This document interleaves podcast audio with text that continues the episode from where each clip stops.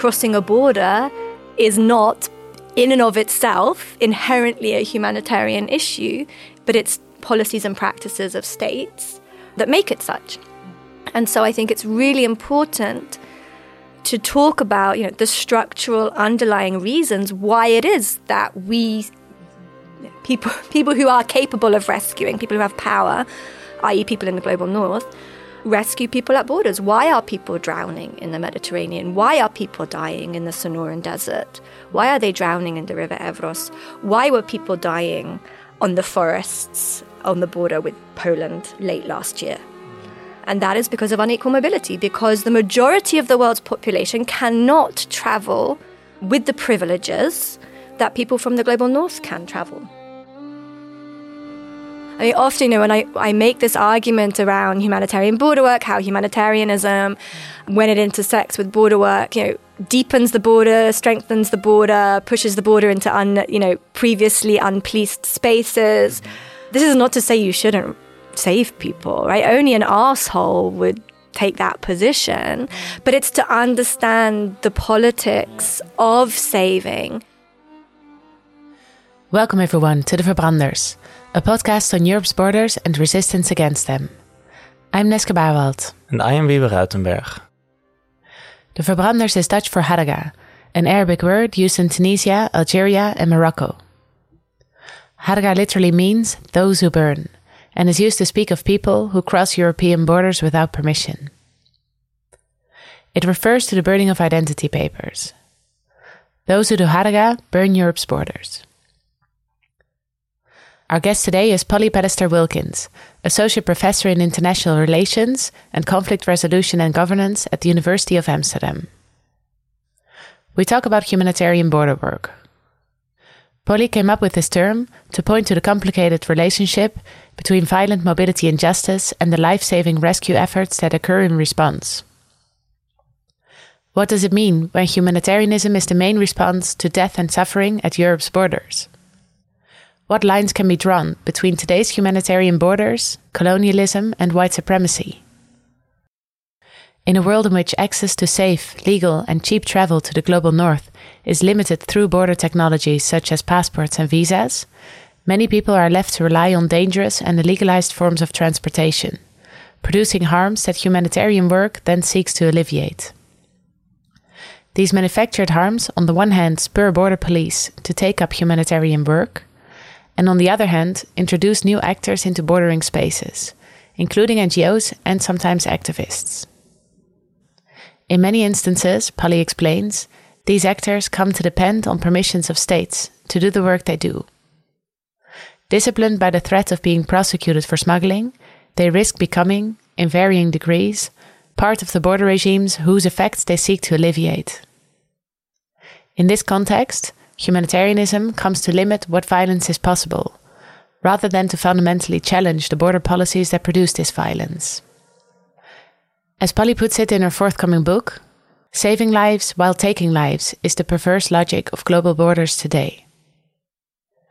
In the second part of our conversation, we talk about some of the longer histories that can be charted to understand this dynamic better. Polly explains how the practice of saving distant strangers came to be consolidated as a liberal form of government through the colonial encounter.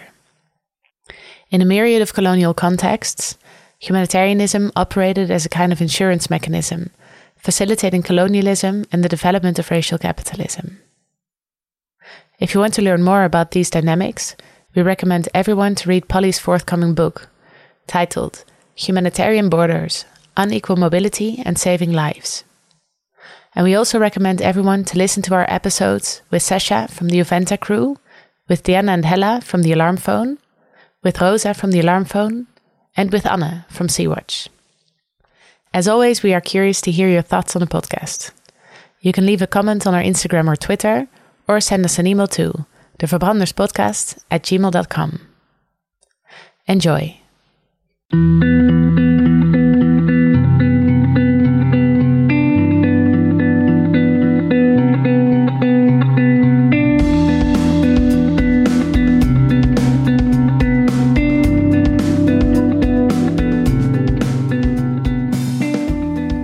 Polly. We are so honored and excited to have you and to talk to you about what you call humanitarian border work. Before we get into all of the work that you've done, could you maybe talk to us a little bit about where your work is coming from and what got you thinking about borders? Yeah. I suppose the the easiest answer is to say that it happened during my PhD research, which was on the separation barrier, security wall, apartheid wall, many names. What you mm-hmm. call it matters politically, I mm-hmm. think. Yeah.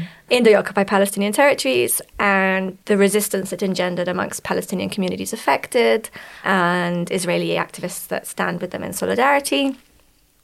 And trying to understand, I suppose, the larger politics of what was going on with this security barrier, apartheid wall, mm. security fence, if you're if you're being very non-political about it. Both the sort of the geographies of separation, the geographies of bordering that were taking place through this very material manifestation. Um, but to understand the sort of the longer, larger logics of why human beings mm-hmm. practice processes of bordering, how bordering comes to to have effects politically and socially um, at, at multiple levels, right? At the local level, so, you know, the everyday life of, say, a Palestinian versus sort of, you know, more global forms of separation and hierarchy. And within that, of course, processes of injustice.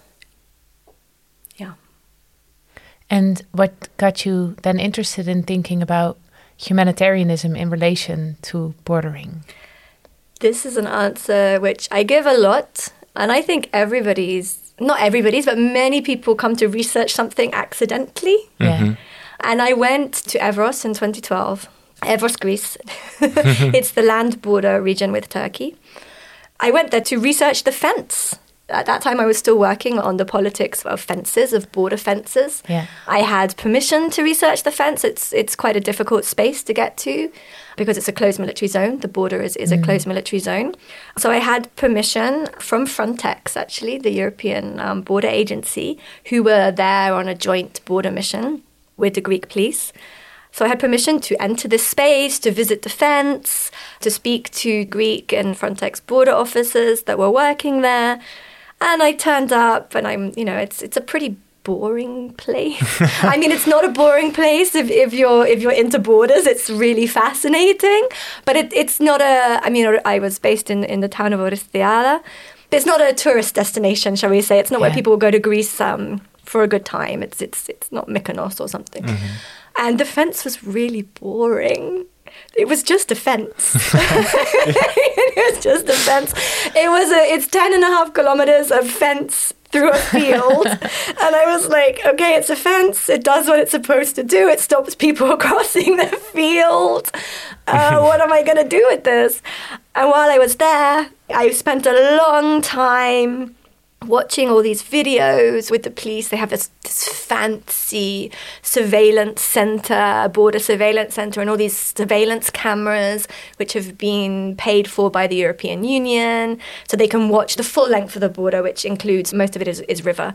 And they showed me all of these videos of them pulling people out of the river, rescuing them and they really talked about it in, in humanitarian terms before arresting them, taking them to the detention center, and then sometimes pushing them back into Turkey.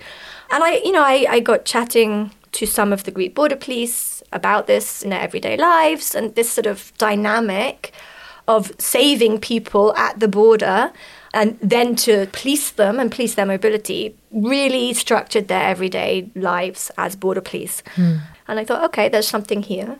It's not humanitarianism washing, right? Something is yeah. going on. Mm-hmm. You know, they are actually rescuing people. It's not yeah. a just, just a discursive attempt yeah. by the EU or, or, at the level of Frontex in their Warsaw office. This really did structure the daily lives of these police. And you know, and I, I bluntly asked them, I was like, "Do you feel like your job is a humanitarian one?" And they said, "Well, yes, a lot of the time it is." you know, of course, if you see someone drowning, you're going to save their lives. Yeah. But I'm a policeman as also, and I have to protect the borders of Europe. And if I don't protect the borders of Europe, we get into trouble. Mm-hmm. You know, people from the Frontex headquarters in Warsaw, politicians in Brussels and elsewhere, especially in the you know European North, will critique us for not doing our job properly, for letting all these people, you know, into Europe when we're not supposed to. You know, we'll be seen as sort of the incompetent Greeks and so what are we doing? We're in this really difficult position where we have to police people who are, you know, both a risk, you know, a risk to this idea that we have of Europe where we have to have regulated mobility and mobility of, you know, specific Yeah. people that we, we, we determine to be uh, acceptable. And people who are really at risk Yeah. in that very moment of, Yeah. of, of losing their lives. So I, I started working on it. And so, this term that you coined and are elaborating on in your forthcoming book of humanitarian border work is really to get at this sort of core tension.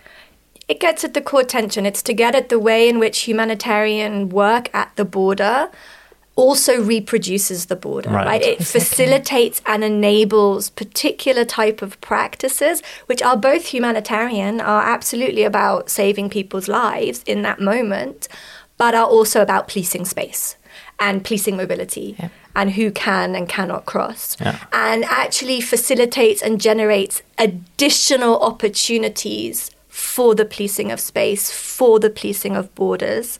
So, you know, why the term border work is first coined by Chris Rumford, the late Chris Rumford, to sort of get at the ways in which, you know, borders are continuously socially produced on an everyday level, Yeah. often by people whose main job is not Exactly. to police or reproduce the border.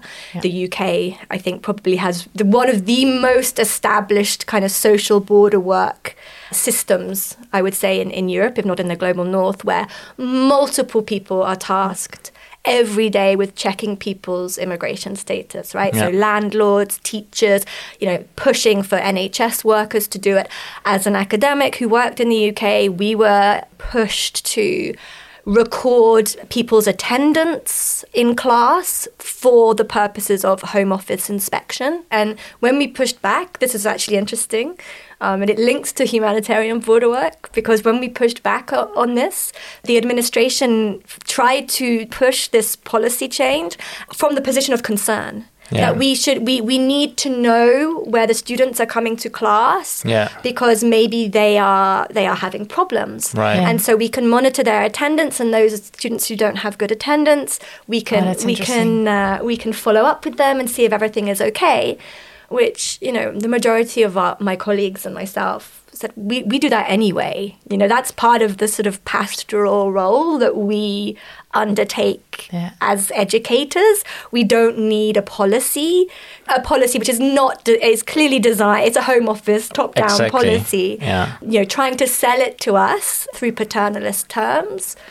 isn't going to oh, work This really reminds me of an episode we did with Radhika Mongia, in which she explains that in the late 19th century, even before you get the introduction of kind of border controls as we know them today, you get the first emergence of these huge bureaucracies uh, surveilling people's movements. And then these people in question are indentured Indians. And initially, these bureaucracies were geared towards making sure that their labor was quote unquote free to distinguish it from Yes. slavery. So you have really the same Yes. kind of this paternalistic logic of we're protecting these Yes. people, we're protecting them from potential exploitation by surveilling their movements, and then later it gets expanded into kind of stopping that movement. oh yeah Yeah. you, on- once you start looking for the, the intersection of, of paternalism and mobility controls or, or border controls, uh, you, A whole you see it opens everywhere. up. Yeah. yeah, both in time and space, Yeah. I guess. Yeah. Yeah. this is exactly the core of, I guess, what we're here to talk about today. Also, this core tension that Wiebe just mentioned, and it's also in your forthcoming book. You frame the discussion about humanitarian border work in terms of unequal mobility. And can you talk a little bit about this framing and why it is so important to kind of start off the conversation by laying out just how unequal access to mobility is? It's really important. I mean, I'll start with you know answering it by what a you know an interlocutor who I've interviewed and has been an important part of this book She herself is a humanitarian worker. She works for MSF, Médecins Sans Frontières, Doctors Without Borders. She always makes the point that, you know, migration is not a humanitarian issue. Mm-hmm. Mobility should not be a humanitarian issue. Crossing a border is not, in and of itself, inherently a humanitarian issue, but yeah. it's policies and practices of states that make it such. Yeah.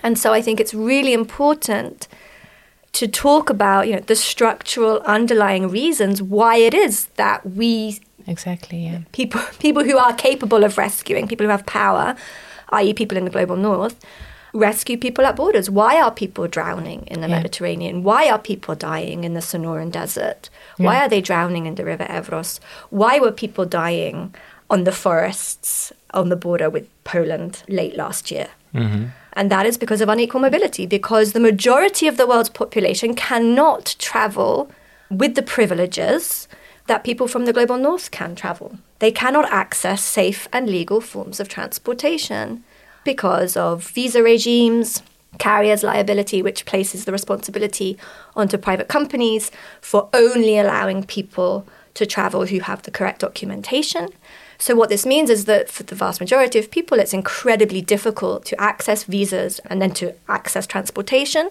And so, when we're talking about people you know, living in precarity, people fleeing conflict, human rights violations, this is something that they just are not able to access. And it's a, it's a gross mm. injustice.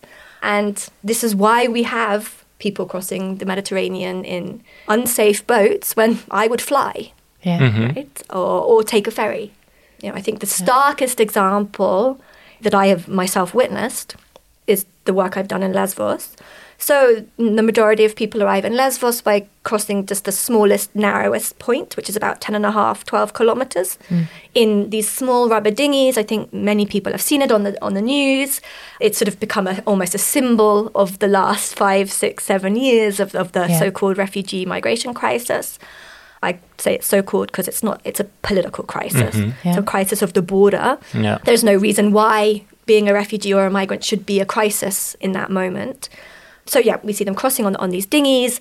They pay anything up to 3,000 euros per yeah. person to cross. Yeah. For something that costs probably like 20 it, or 30. 20, 21 euros oh, 50 yeah. to exactly. get the ferry from Ayvalik to Mytilene. 21 euros 50. I could get that ferry. Yeah. Yeah. Right? But they have to come on a 3,000 euro dinghy, yeah. risking yeah. their lives, you know, with their children wearing life jackets. Yeah. And of course, fueling the smuggling industry, right? the smugglers are very happy about European border policies. If there weren't, I mean, they wouldn't have a business model. So lives are saved, but in the context of, of, of death being produced. The, yeah, and, and reproducing the borders, right? So it's sort of, you know, saving lives while sort of, you know, policing the border is the way that borders in the global north work yeah. today. Yeah, and you started off by telling us about how you saw that happening with police in the Evros region. But I guess we're now also kind of shifting to other kinds of actors where we may not necessarily think so easily of that dynamic or yeah. where we may think that it's all about, you know, care for our fellow humans and sort of saving people's lives. But I think one of the things that you're really pushing in your book is to say that we should understand that kind of humanitarian work also in these terms, right? Could you maybe talk a little bit about sort of the different actors who are involved in this humanitarian border work in various regions? Yeah, so of course, I mean, there, there are the state actors, there are the border police, there are the Coast Guard, but we also have non governmental organizations engaging in a lot of, for example, search and rescue activity, but also activity on land. Um, and my point has always been to, to understand this dynamic as being one of actually bordering. Mm-hmm. Um, yes, it is humanitarian. Yes, it might come from a desire, I mean, a real humanitarian desire to save lives. And I don't undermine that at all. Like, that is the motivation. But the ability to operate operate a search and rescue vessel, for example, in the central Mediterranean, requires sovereign authority. Um, it requires the authority of the Italian Maritime Rescue and Coordination Center, for example, all the way down to, I mean, not just the authority, but the information given, the coordinates given. Huge amounts of cooperation go on between sovereign authorities and non governmental organizations. Partly because if it doesn't, you run the risk of being accused of smuggling. So the Cap Anamur crisis or whatever we want to call it. That's like 2004, um, right? 2004. Yeah. Sort of looms very large in structuring the kind of legal geographies of doing search and rescue. Um, so the Cap Anamur was a German activist migrant rescue vessel that rescued boat migrants in the Mediterranean in 2004 and did so without informing authorities that they were doing so and didn't immediately take them to a port, a European port of disembarkation to be processed by the correct uh, mm-hmm. state authorities. And so by doing that, were then accused of migrant smuggling. Mm. And it became a huge case. And actually, it's an interesting case because it really was, it really spurned a sort of Northern European push to increase externalization efforts in the global south. So, following this, you had sort of Germany and Britain at the time, uh, when Britain was still in the European Union, pushing for greater levels of processing of sort of you know refugees within, in inverted commas, African space. So the Cap Anamur sort of haunts mm-hmm. a lot of what is possible with search and rescue today. Yeah. But what this means is that NGO vessels operating in the central Mediterranean, yes, they are rescuing migrants, and they do so absolutely driven by a legitimate, idealistic humanitarian concern. It's not cynical in any way. But what ends up happening is that, you know, by rescuing them, you are effectively capturing people while they're in the processes of moving. And submitting them, handing them over to state authorities to the border regime, so to speak, from yeah. which they then cannot escape. And then, then mm-hmm. they are mm-hmm. then subjected to all of the different types of bureaucratic violence, which mm-hmm. we know the border regime subjects people to. But I think it's also important to recognize that rescue actually increases the capacity for interception. So the way in which border interception works at sea is that if it's a state vessel Mm-hmm. For the purposes of border policing, it has to happen within the territorial waters yeah. of the state concerned. If it's about rescue, well, then the world is your oyster. Mm-hmm. It's it's effectively spatially expansive it, to the point of you know you can rescue someone any, anywhere. Um, so what this means is it actually extends the possibility for for interception and capture into international waters, but also into the territorial waters of Libya. But these logics then extend southwards, then again onto land, and they're used to promote externalization processes in Africa, sedentarization processes in Africa, yeah. um, the mm-hmm. desire to keep people in place, you mm-hmm. know, for their own good. Right, to prevent them making these risky journeys, but these journeys that have been made risky in the first yeah. instance by different forms of mobility injustice and border control. Yeah, and I think that different actors that are not state actors, so different NGOs, but maybe also ranging to more autonomously organized groups, are to different degrees aware of this dynamic and navigate this field and this tension in different ways also. Maybe you can talk a little bit about that. Yes. There's a huge diversity of politics amongst who who does humanitarian border work. So you have established NGOs, even with, within established NGOs, there's a difference of politics. So, for example, if you take an organization like MOAS, the Migrant Offshore Aid Station, their whole raison d'etre is that nobody deserves to die at sea. Yeah. But they leave the politics to the politicians. Yeah. Um, then you have an organization, for example, like MSF, where it was very much a case of using search and rescue actually to engage in advocacy for exactly, safe passage. Yeah. Then you have more uh, sort of activist humanitarian work. I still haven't found the best term mm. to talk about this type of more grassroots. Yeah. I think I call it grassroots humanitarianism in my book, but I'm still not necessarily really comfortable with it. Mm-hmm. That is more explicit in using humanitarianism as, as a route to activism. But even amongst this activist strand of search and rescue or, or humanitarian border work, you have this idea that it is about advocacy. It's about highlighting an issue, which is also quite a mainstream humanitarian position. And at the same time, making the state responsible again, mm. re responsibilizing the state, which is something that you see a lot within mainstream humanitarianism that search and rescue should be the responsibility of state governments. That is sovereignty as responsibility, right? It's the whole legal principle behind un- underpinning mm. the responsibility to protect. I also think that it's not easy for people operative in this space to actually really be open about what they do mm-hmm. in this climate of criminalization. Yeah. So, you know, yeah, you, are also forced almost to use a, a, particular type of language to justify the work you do. For example, by pointing out we're actually um, making sure that this is a space where human rights apply. I mean, is that really what what they're doing? We will never know because they're they're like saying that in the, in the context of being prosecuted. Yeah. You know, so that's also something to keep in mind that mm-hmm. our space for actually talking about these things is so limited. Also, because you know, you could also make the case of like, actually, I think we should all be smugglers, but mm. that's especially unsayable for people operative in that field who yes. could actually be prosecuted for yes. being smugglers. So yeah, but I think that speaks to the limits of humanitarianism and the yeah. liberal limits of humanitarianism and the yeah. way in which it conditions a particular type of politics. And you know, you are able to talk about rescuing people.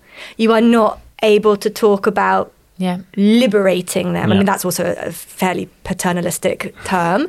Or, you know, sailing in solidarity with them, for example, right? Yeah. It, our international liberal system enables and allows for particular types of interventions on humanitarian terms. Mm-hmm. But that is all.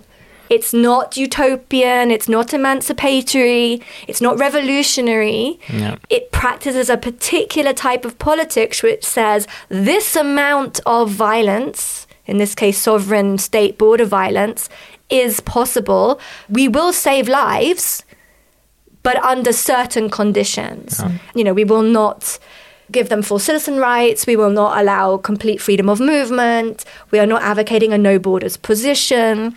And I think the border itself conditions how we're able to talk about doing this kind yeah. of work. And yeah, m- makes possible certain types of, yeah, a- attempting to be radical or liberatory politics, but keeps it confined still within a particular liberal framework built yeah. around rights, built around, yeah. yeah.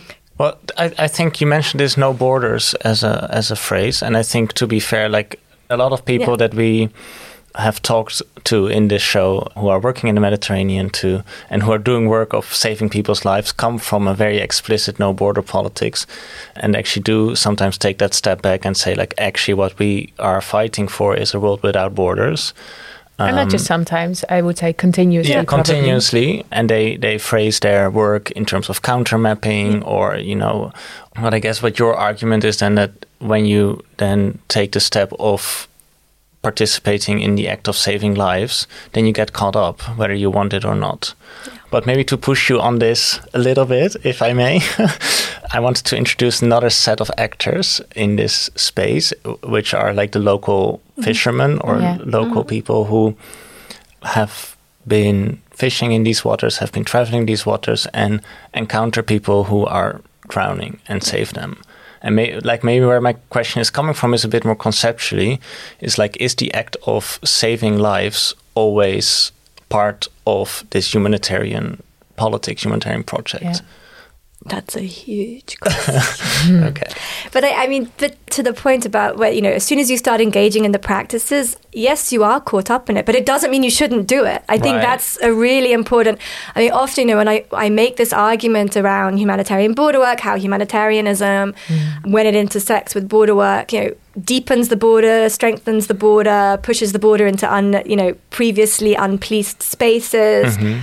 This is not to say you shouldn't save people, yeah. right? right? Only an asshole would take that position, Yeah. Yeah. but it's to understand the politics Yeah. Exactly. of saving, which I think then gets to the other point around, you know, Yeah, it's a messy world. it's, not- messy, right? And there, there's no there's no utopian outcome to this. Right. Like it's it's not. It's a recognition that humanitarianism is the least bad of a whole bad range of options, right? It's not good. Yeah. You know, it's often described as a lesser evil. But this is not to say that people shouldn't rescue. But, you know, to understand the type of politics that you're promoting when you do that, which comes to the, the point about the fishermen. Mm-hmm. I mean, even then, I would say that there's a politics there, right? Right. Rescue happens, I mean, saving lives happens with people who are capable of doing so. Yeah. So they still have the capacity to save. They are still in a particular relationship of power Yeah. with the people they are rescuing. Right. That might be only a very fleeting relationship. Right. You know, it could be a fisherman rescuing, I don't know, a multi billionaire Russian oligarch from his yacht. Mm-hmm. But at that moment of rescue, the fisherman is the person with power. That might completely Yeah. change at the, at the, as soon as the, the dude is, it's a dude, right? Um, well, maybe is- not. I don't know. Are there any female? I don't know. If there are, they're much better at hiding. Um, but at that particular moment, you are the person with power. And I think it's really important to recognize humanitarianism happens when people are capable of Yeah. doing something. Yeah. And there's a whole political economy to that. There's a whole politics of expertise to that, to knowledge. You know, to, to recognize the fishermen, they are still, they are experts at their own work, which is navigating the sea. Yeah. Yeah. And that expertise then gets transmuted into one of rescue. Yeah. But I think it's always really important to recognize that humanitarianism is only made possible by particular relationships of power. Yeah. No, I think this helps me actually like saving lives or helping people, caring for people is always premised on the distinction between the person who's doing the caring and the person who's taken Yeah. care of, which is it's an unequal relationship, whether we want to see it as such as or not, right? Like, yeah. And it's an unequal relationship, and uh, and this is going to be a nice bridge to the Yeah. next. In the case of borders, it's also a very racialized, classed relationship. You can add gender and disability here too, but they operate in a in a different way.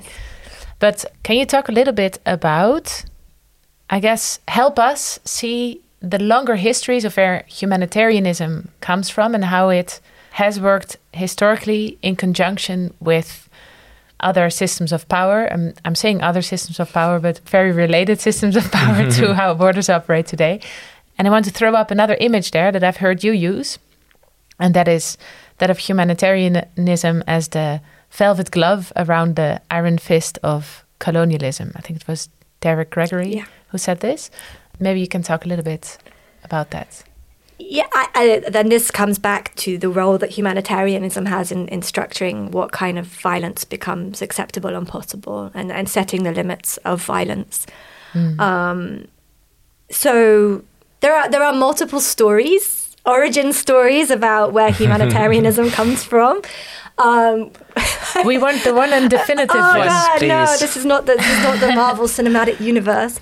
I mean, there's the story that you know it was founded by the ICRC and uh, Which is uh, for our listeners. Okay, the International Committee for the Red Cross. But I, I won't go into that.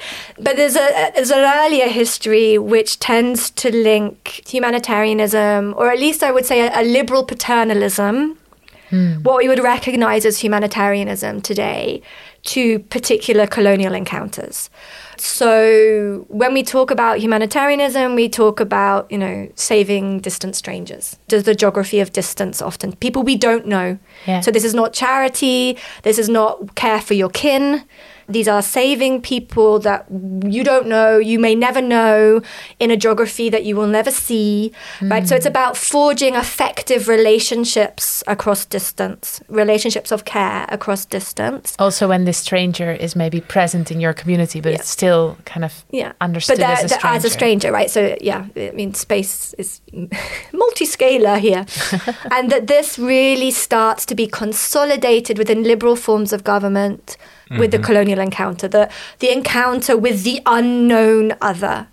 And that through these processes of encounter particular relationships are developed, particular forms of exploitation, particular forms of harm to which a humanitarian velvet glove, so to speak, can be applied that will enable the colonial endeavor to continue without creating a level of harm which maybe perhaps leads to revolution or leads to, I mean, often it gets talked about, for example, in the way in which what are called ameliorative policies were mm. developed during enslavement, during plantation capitalism, particularly on the part of, of the British, to ensure that slavery was done nicely. Mm-hmm. Yeah. So, those of you who've seen the film 12 Years a Slave, mm. a lot of people talk about the way in which that film really amazingly highlights the brutality of, of slavery. Like the Michael Fassbender character is this absolutely brutal slave owner. But to me, the more interesting character in that film is the slave owner played by Benedict Cumberbatch, who tries to enact a particular type of paternalistic mm. mm. slave, you know, form of slave ownership, where you know he recognizes supposedly the humanity of Solomon Northup, and he, he, talks about. It, he said, "But you were a free man," and all of these kinds of things, and, and but then says, "But I can't free you because I owe debt on you." Right? Yeah. So to sort of also understand the economies of this and the way in which then enslaved people were a commodity and actually to protect them, to ensure that their care was just enough, that they survived, to continue to make profit, mm-hmm. um, was a humanitarian paternalist idea, which again links to the way in which humanitarianism is is a form of consolidating at that time liberal capitalism. You can talk about neoliberal capitalism today ensuring, consolidating the power of the middle class, and to do so in a way which makes people feel comfortable about what they're doing. Limit the level of brutality, yeah. but still allow unequal relationships to take place, both for the generation and production of profit, but also, um, you know, for people to feel good about themselves, right? Mm. This then very neatly, in many respects, intersects with forms of mobility control and unequal mobility injustice. For example, one of the main motivations for some of these ameliorative policies that were introduced in the British Empire or British plantation economies was the fear of potential slave revolt. So the Haitian mm-hmm. Revolution, I mean, it plays such an important role in so many different um, historical yeah. things. It's it's such a such a you know a important pivotal moment yeah. for many many things. But one of those is is the fear amongst British plantation owners that if you know people are treated too harshly, they will revolt. Yeah. Right. It's an anti-revolutionary move, mm-hmm. so we can understand humanitarianism in those terms. But also, you know, following the Haitian Revolution, the fear of free black mobilities was absolutely fundamental to so many changes to governing practices in the Caribbean, states of the US, throughout Central America, all the all the plantation owning spaces, states, islands, to the point where, you know, people were allowed a level of freedom also and that their emancipation would come gradually mm. but in a way that also then policed and limited their mobility Mm. And we see, for example, the birth of particular, uh, like the Negro Seamen's Act in the US, which was very much about yes, people are now emancipated, they can work, their labor is, is their own labor, it's for their own wage, but they are a potentially revolutionary class and their mobility needs to be contained. We see it also in response to sort of the violence of settler colonialism towards indigenous communities in North America, in Australia. One of the most famous examples, or the clearest example, is probably the way in which fear of a smallpox outbreak in what is now um, Vancouver Island. Mm. So in Victoria, it's very early white settler Victoria, was used as a way to ethnically cleanse the indigenous Salish population from Vancouver Island. There was, you know, a huge level of violence between loggers, between people who were wanting to clear the space and extract the timber for colonial profit, and you know, resistance from the Salish community.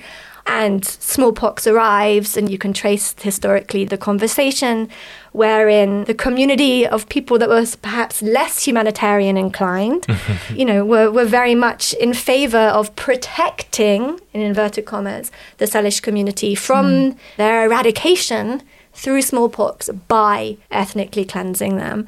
You see it also in the context of Australia, or what is now Tasmania, Van Diemen's Land. Alan Lester has done and Fae mm. have done some really excellent work on sort of tracing the generation of these mm-hmm. logics um, through particular colonial officers. So they focus on a particular figure called George Arthur, who was a colonial administrator in British Honduras who introduced these ameliorative policies where people would be, you know, which encouraged local plantation owners to treat their enslaved populations better, to prepare their enslaved populations for future emancipation but to do so through uh, Christianizing them, etc., mm-hmm. etc. Et so mm. it's a mm. sort of civilizing mission. And he is then seconded, or whatever you call that when you were, you moved jobs. And then he was sent to Van Diemen's Land, which was then uh, now present day Tasmania, the island off the south of Australia, named after Abel Tasman. He's Dutch. Oh yeah. and Van Diemen was Dutch also, right? Mm-hmm. Where yeah, where he becomes the colonial administrator there and, and, and is tasked with protecting the indigenous Aboriginal population from the violence of white settlers. And he takes up this mantle to protect effectively what he sees as prevent the genocide of these people, but does so in ways which limits their freedom. So he comes up with this idea to send them to what's known as the Bruny Island settlement, where they could supposedly live freely, free of interference and violence from the white settler community, but actually, also, of course, what ends up happening is it, there's a reason the island wasn't settled, couldn't really support life. Yeah. And actually, what ends up happening is that everybody dies. And that's the end of the indigenous Aboriginal population in Tasmania. Mm. But that is not to say that George Arthur and his colleague who joins him, George Robinson, were not deeply committed to this idea. They were not doing it for, should we say, the cynical purposes of expanding and deepening British colonial rule. They genuinely believed that they were trying to help this population. They generally promoted you know their cause on the basis that these were British subjects. Mm-hmm. They were, yeah. you know, the Queen's subjects. They needed to be protected by the Crown, yeah. and this made them very unpopular amongst yeah. the white settler community. And there's a whole, I mean, George Robinson became more unpopular than, than George Arthur, partly because of his class position. He was mm. actually a working class man who'd sort of risen up through the, the colonial ranks, which also tells us something about the possibilities that of mobility and why mm. people move. And, yeah. and again, the complicated histories and politics of colonialism and settler colonialism. But yeah, so we, we see that very much, you know, historically within this intersection of, you know, caring for people, enacting particular forms of humanitarian concern through governing people's mobility. Yeah. and governing through caring. And governing through caring. And and, and you know we that is what a refugee camp is mm-hmm. right we also see those logics much more violently um, expressed for example in the british justification for the concentration camps set up during the boer war Mm-hmm. The justification was that it was to protect the women mm-hmm. and children. Mm-hmm. Yeah. You know, so when we see, you know, the arguments put forward that, you know, this is about concern, this is about care, yeah. right? There's a governance to that. And it's again going back to my earlier point about only people with power can be humanitarian. Yeah. Right? It's not you have to have some type of power and it's an exercise in power and there's no way out of that right and there's no way out of the power and there is a wide range of possibilities of what you do with that power and mm -hmm. how mm-hmm. you organize within yes. that power because just as there's a long history of paternalistic liberal humanitarian intervention there's also a long history of people standing in solidarity yes. with the colonized even yes. from a position of power and so I wonder if you also encountered when I guess you do archival work also, but I'm not I'm yeah. not sure. So do you also then encounter the historical counterparts of mm. the more autonomous, solidarity driven, saving lives people. I'm not sure yet if we should call them humanitarians because I think many, many actually don't call themselves no. humanitarians. But did you also find them in the archives? Yes, but they very quickly then moved to political organizing and political yeah. mm-hmm. organization. Um, and are those mutually exclusive? No, I don't think they are mutually exclusive. But I think the way in which the humanitarian industry has come to be set up yeah. over time, liberal politics makes them somewhat exclusive. So yes, you do find these people historically, and but they're not usually the ones that get talked about. Different. To me, it's very interesting. You know, who who are the safe figures, yeah. and who yeah. you know, and staying within a humanitarian narrative is one that is acceptable to a liberal capitalist order because it does not challenge that order. In many ways, it's a form of restoring and consolidating yeah. that order. And so, you know, the people that do shift to more political organization, you know, they then become opposition figures. They become, mm. you know, liberation politicians. They become engaged in in things that we would recognize as political struggle, mm-hmm. yeah. um, they get called terrorists, yeah. Yeah. you know, um, rather than humanitarian. Mm. So I think, you know, I think it's really important to recognize the way in which, you know, humanitarianism as a sort of overarching kind of rationality as the lesser evil is allowed to be so because it fosters and enables and facilitates liberal capitalism. What I find interesting though, when you talk about these sort of historical examples of Tasmania or the Haitian Revolution, is really how it shows that both sort of the regulation of mobility and governance of mobility, but also humanitarian work is premised on this idea of the other. Yes. Whether it's the other who needs your paternalism, who needs your care, or the other who needs to be moved somewhere or needs to stay put, you know? And then what I find particularly interesting is how then the solutions that are that people come up with actually produce the other as a different kind of person, right?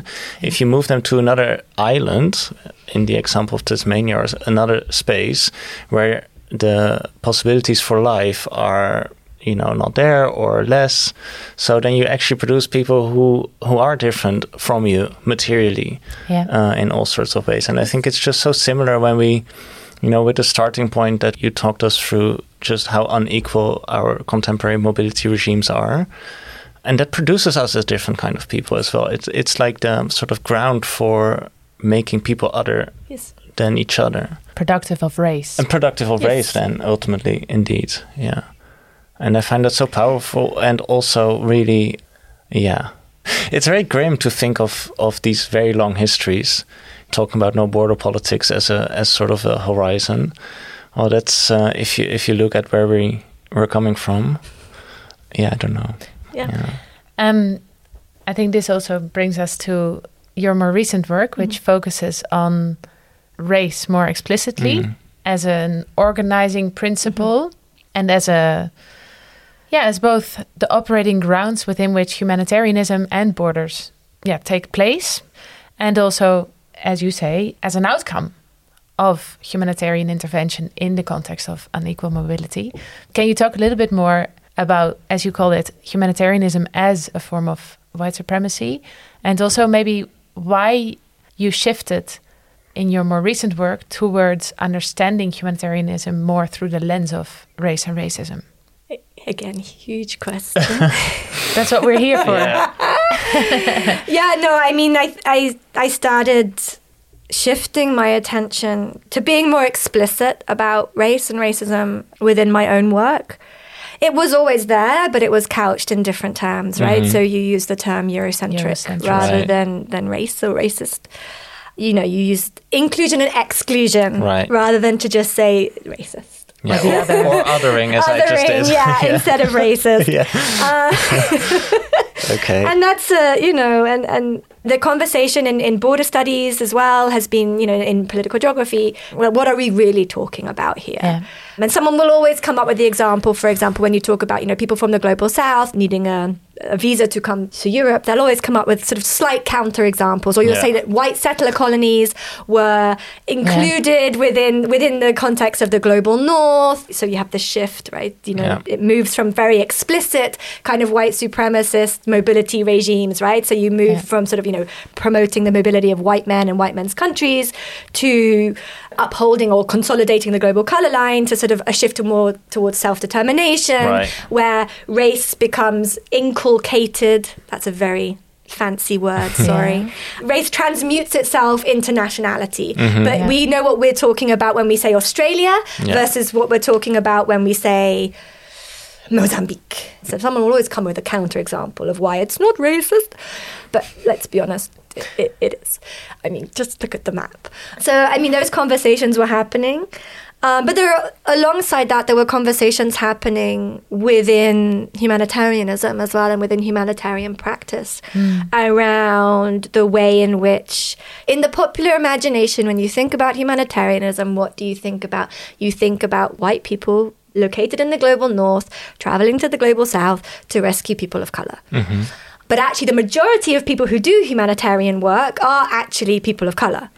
Local humanitarian workers do the majority of humanitarian work, right? So there, there are particular racial geographies involved in humanitarian work, but all of the uh, headquarters are in the global north. All of the people running the organizations are, are white predominantly male, but not always. People's ability to get promoted, people's monetary compensation runs along racial lines. The differences between international staff and national mm-hmm. staff structure. Mm-hmm. So much of the humanitarian. And that's very much structured through the border because those are the people who can move around the world. Yes, because they have for passports which enable them to travel visa free. Whereas if you have a, you know, you can't. If if the idea of humanitarianism is to be able to move to a disaster zone with two days' notice, Exactly. you, need, a people- passport that yeah. doesn't, you know, or at least if you need a visa, you can get one really quickly. Mm-hmm. You know, whereas if you're say from the Central African Republic and you need to get a visa to go to Bangladesh, Yeah. to be honest, I don't know how that would work. And I mean, you see this. You see people, you know, working in. I've been in situations where um, humanitarians have had to point that out to their colleagues, right? Humanitarians from the global south who have been working in the global north have had to point out that they are not on equal terms Yeah. with their white European colleagues or North American colleagues. How long it took them to get a visa, for example, to even go and work in, in, in the office in the particular European city that, that they work in. Um, so those conversations were starting to happen also in humanitarianism. And so, yeah, I, I thought I should start talking about it too, for want of a better term. And I, I, I thought, okay, I, I, these conversations are happening. How do we see, for example, race and racism operating in, in humanitarianism? So the way in which humanitarianism was seen as a sort of insurance policy for the continuation of white supremacy. Mm. You know, following abolition, following independence of settler colonies. I mean, Du Bois calls this, you know, saving the souls of white folk, mm-hmm. right? That this mm-hmm. liberal attempt to end slavery Yeah. um, is done to soothe the conscience, right? To save the souls of white folk. It's very explicit about that. Yeah. Mm. You know, so we can see it historically, we can see it historically emerge, but we can see it contemporarily as well. You know, humanitarianism is an insurance policy for global north forms of mm. power, and the global north mm. is white supremacist, and it. it's like, it sounds really simplistic, and it kind of is, but it's like, um, yeah, it's not simple because it raises the question why something that is, in a sense, simple is also so massively invisible to so many people. And that Yeah. speaks to how complex and how Yeah. deeply it is ingrained in all layers of, of social life. Yeah. Because otherwise, it wouldn't be like the air we breathe, let's say. Um, But this this is about what humanitarianism is and who is it for, yeah. right? And I mean, I asked that question about the hotspots in in Lesbos, right? The reception and identification centers in in, in well, my specific case study was Lesbos. You know, what what is this actually doing? And they they are humanitarian spaces. They're made humanitarian spaces because of the mobility restrictions which are placed on people living there. But the question becomes, okay, but what is humanitarianism doing here? Mm-hmm. Yes, it is helping and facilitate, you know, helping these people. It is alleviating the violence of the border regime in that particular moment. But at the same time, it's also involved in producing, protecting a particular type of Europe. And that Europe is exclusionary. Mm-hmm. It's a Europe that wants to expel and keep out, or if they have to let them in, keep them, you know, cared for but not equal people of color. Yeah. People from the global south, in this case, Afghans, Iraqis, uh, Syrians. And so I think that, you know, that's an important question to ask. And I think it's hidden and we don't see the answer because human, we, the terms, the normative terms on which humanitarianism is based is about the universal human. Mm-hmm. It's about saving anyone, regardless of their race, their ethnicity, their ge- and that is true, right? But it's never then a question of okay, but when we think about the universal human, who do we think about? Yeah. And you know, black feminist work has done so much to uncover that you know the universal human is a white bourgeois man. Mm-hmm. Sylvia Wynter here is, is is super important to our understanding of this. And you know, when we think about the birth of the human as a concept, mm-hmm. right, as a category, as a political subject, that has its links with you know colonial encounters encounters with the other, the other that becomes racialized mm-hmm. um, as a non-white Christian non-white, non-Christian um, other mm-hmm. in geographies where people were not thought to supposed to be, mm-hmm. right? Either in the what's called the torrid zone of Africa, where it was thought it's far too. How can people live here? There's not supposed to be anybody here. Yeah. The maps it says like you know there be dragons, mm-hmm. and then encountering them across across the Atlantic, where there wasn't supposed to be a landmass there. Yeah. That was supposed to either be the direct route to India, or it was supposed to be where you'd fall off the edge of the world. Yeah. So there's such a huge world changing event for European knowledge and for how Europe had thought about the world and, and the categories and hierarchies that had been in place.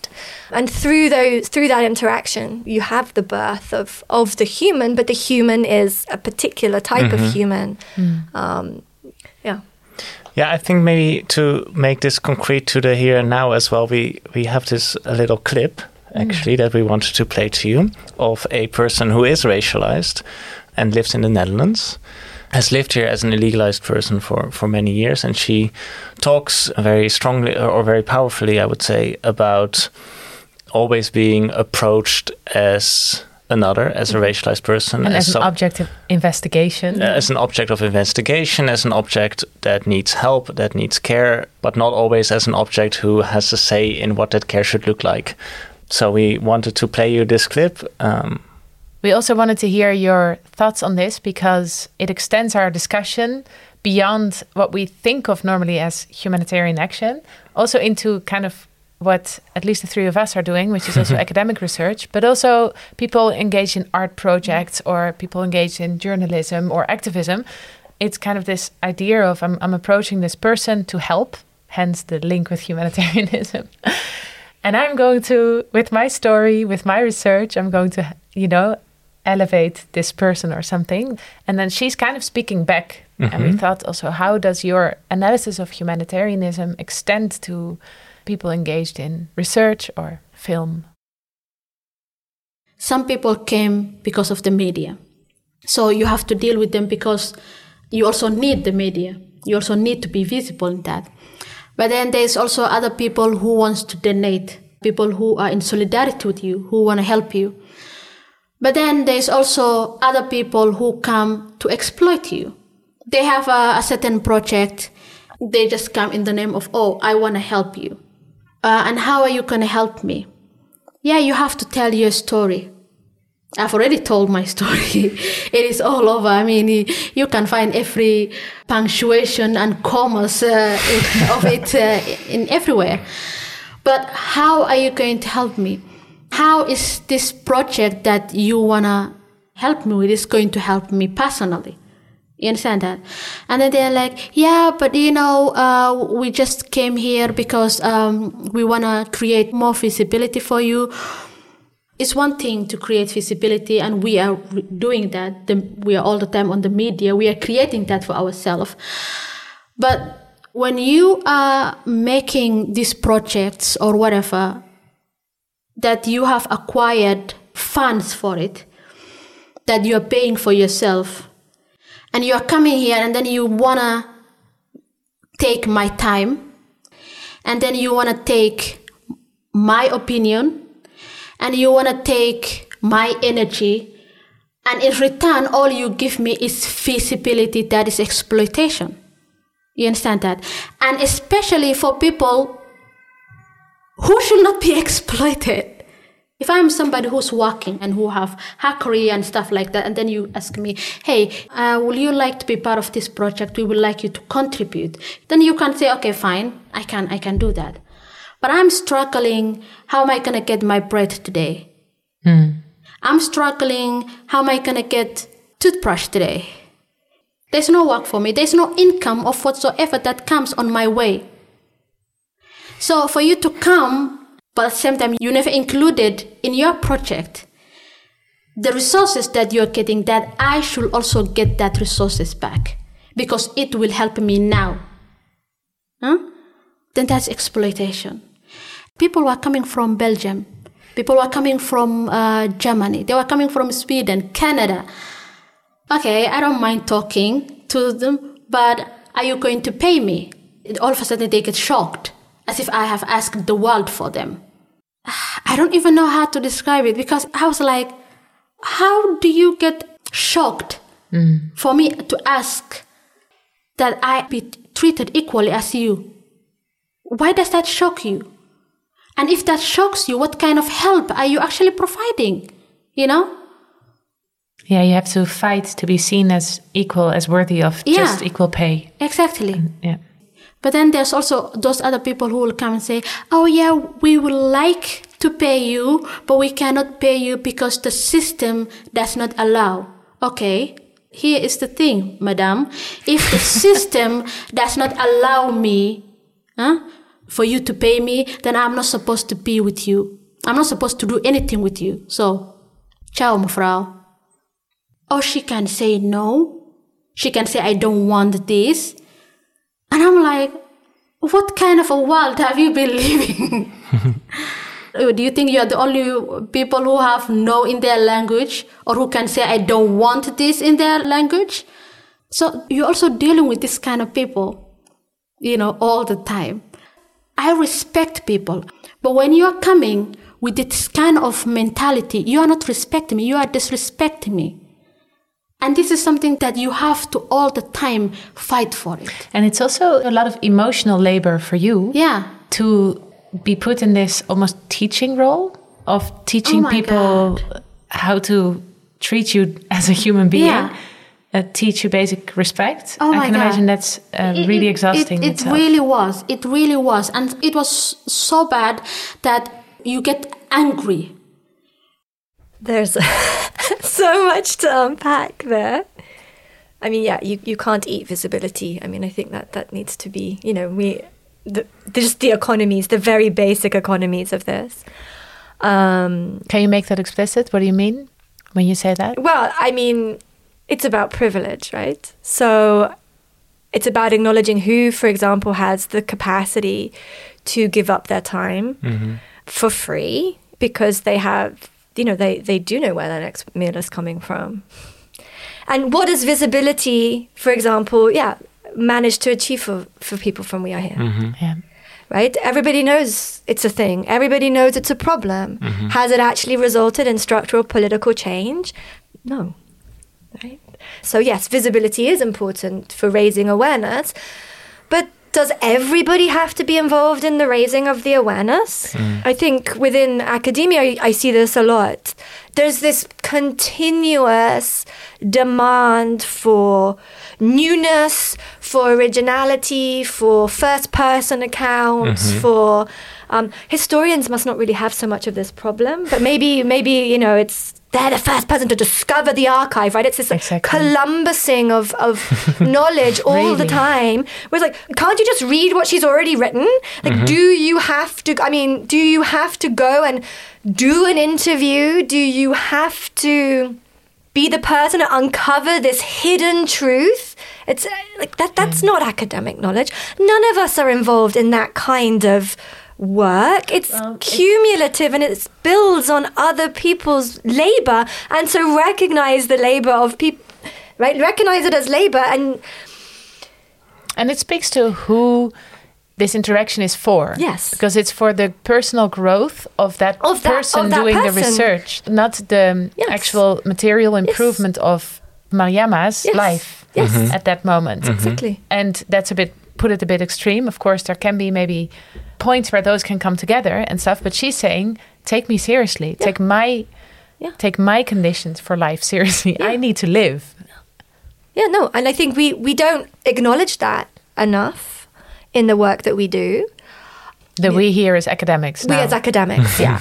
we don't acknowledge that. But I do think the structural conditions of academia and the structural conditions of the economies of knowledge production push us into this, right? Yeah. The, the neoliberalization of academia pushes us into this. Yeah. It makes slow research, slow knowledge, cumulative, collaborative projects really difficult, like properly collaborative, non extractive collaborative projects really hard. And I will say it's not just a problem for actually, you know, professional academics, but it's a it's a condition which we continuously place on our students as mm-hmm. well. And for what reason? And I, I see this a lot with my own students, and I and I try and tell them. So maybe they'll listen to this. I don't know that they don't have to always get you know supposedly primary data. Mm-hmm. Yeah. You know, like why is some if somebody has written something or someone's already done an interview or a podcast, you can treat treat that mm. as data. Yeah. Right? Analyze this.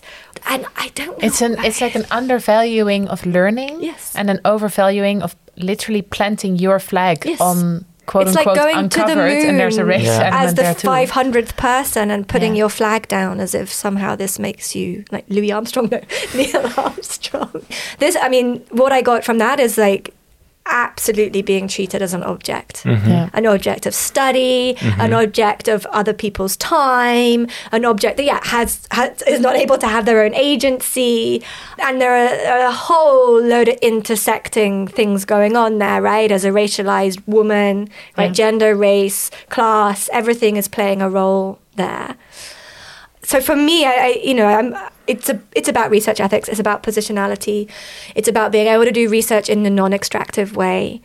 Um, and it's a conversation that I think is increasingly happening in some ways, especially when we're talking about decolonizing the academy, right? Decolonization is not just a word. It's not just about decolonizing knowledge. It's about decolonizing how we do knowledge. It's about reparations, right? This is a story about this is you know an instance of the, a demand for reparations. Mm-hmm. You can recognize all the hierarchies in your academic work. You can you know you can be explicit about your positionality in your writing, but if you're not also doing that in the types of ways in which you actually do your research, then then there's a there's a problem with that but like everything, like how mm. humanitarian border work is structured by the geographies of the border and sovereignty and wealth, academic work also exists within these within these particular economies of knowledge production. And mm-hmm. you know we see how funding agencies for example continuously ask so say you have a project on something to do with borders or migration or or you know you will be asked like, well, where where are the migrants? Why are they not included in your uh-huh. project? Yeah. And you're like, I can't find a way to include them in my project that I consider to be ethical. Well, say goodbye to your money, mm-hmm. right? And and and there's a way in which their inclusion is it's not real inclusion. I mean, this is all this is the huge conversation around diversity, equity, and inclusion, Yeah. right? That is it. It's not justice, mm-hmm. right? Yeah. It's it's include. Yeah. So. yeah, Yeah. I have a lot to say, but and it's I mean it's stuff that I am also unpacking and in my own work and future work I need to unpack this more in some of the the, the funded work that I've been engaged with and, and how uncomfortable some of it has made me. Not because I've been dealing with with uh, migrants per se, but just in the way that you know the knowledge is it's kind of pointless. Um, the European Union doesn't need to give me three million euros to tell them that Yeah. the problem is is political will. Mm-hmm. So, yeah, you're but- part of a dance or something. Yeah, and then like they a- can say, look, we have all these funded projects. Yeah. We care about knowledge production, but like none of it ever leads to political change. Yeah. Um, so what am I really engaged in there? I'm engaged in a particular ecology where you know I have to get the funding for my own professional career because of also not just for my own career. The way in which research funding in the Netherlands works is that people getting external research funding helps to fund other people's research because our government has stopped funding our Yeah. research. Yeah. Um, so if we all just said no to getting grants tomorrow, then that's bye bye. We have no research culture. Yeah. Yeah. I think that's really important to, to sort of specify the, the, the particularities of the Dutch system there as well, which Yeah.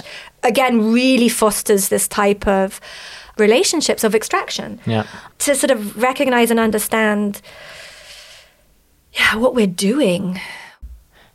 And gi- given all of this, what we talked about, I'd be curious to hear what you are working on now, what you're excited about. Could you talk a little bit about your current interests? I'm interested in thinking about the possibilities for decolonizing humanitarianism and asking questions about whether that is even possible. Um, my initial answer is no. Uh, Yeah. um, because I think it wouldn't be humanitarianism anymore. I don't think it would have to be something different.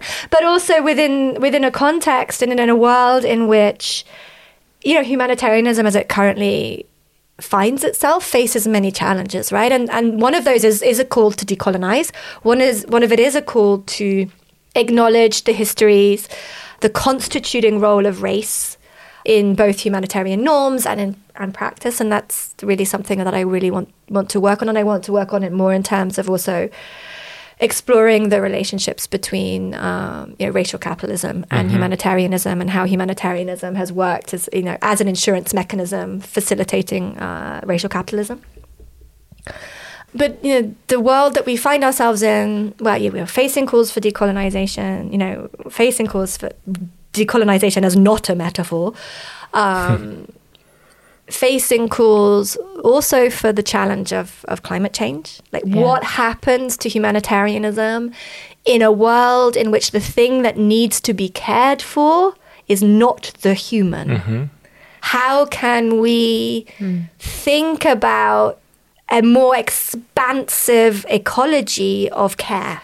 Right? Yeah. How can we think about incorporate non-human others into practices of, of care and care that is as much as possible non-paternalist and i don't know if that's even possible but in also a way that recognizes that some people still are not accorded full humanity right so to be careful not to, to shift immediately to oh we have to protect the environment and well people are drowning and, and, and being killed by cops um, and you know And like so not, not venture into eco-fascism. not venturing into Yeah. eco-fascism, exactly. Like nobody needs to be a Malthusian, um, and also facing a world in which actually just even very non-controversial forms of humanitarianism are becoming criminalized. Yeah. In a world in which you know.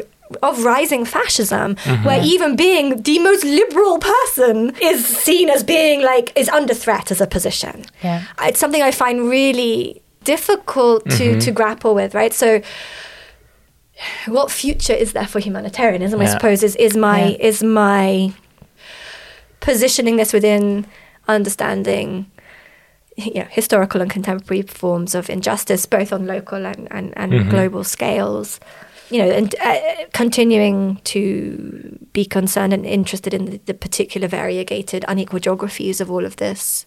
Yeah, and to, to question, yeah, what, you know, when we talk about a, a shift towards decolonizing humanitarianism or a shift towards sort of various forms of climate justice, which are emancipatory, how do we position ourselves within that, and who who needs to be doing that work? And I don't necessarily need to be the one to do that work, um, but I'm kind of interested in doing it. So Thank you so much for being with us today and talking all of these things through with us. It, I must say, it's definitely pushing my thinking Yeah. in terms of yeah thinking about what's going on and how borders work and operate. Um, so thank you so much for for for that. thank you for having me.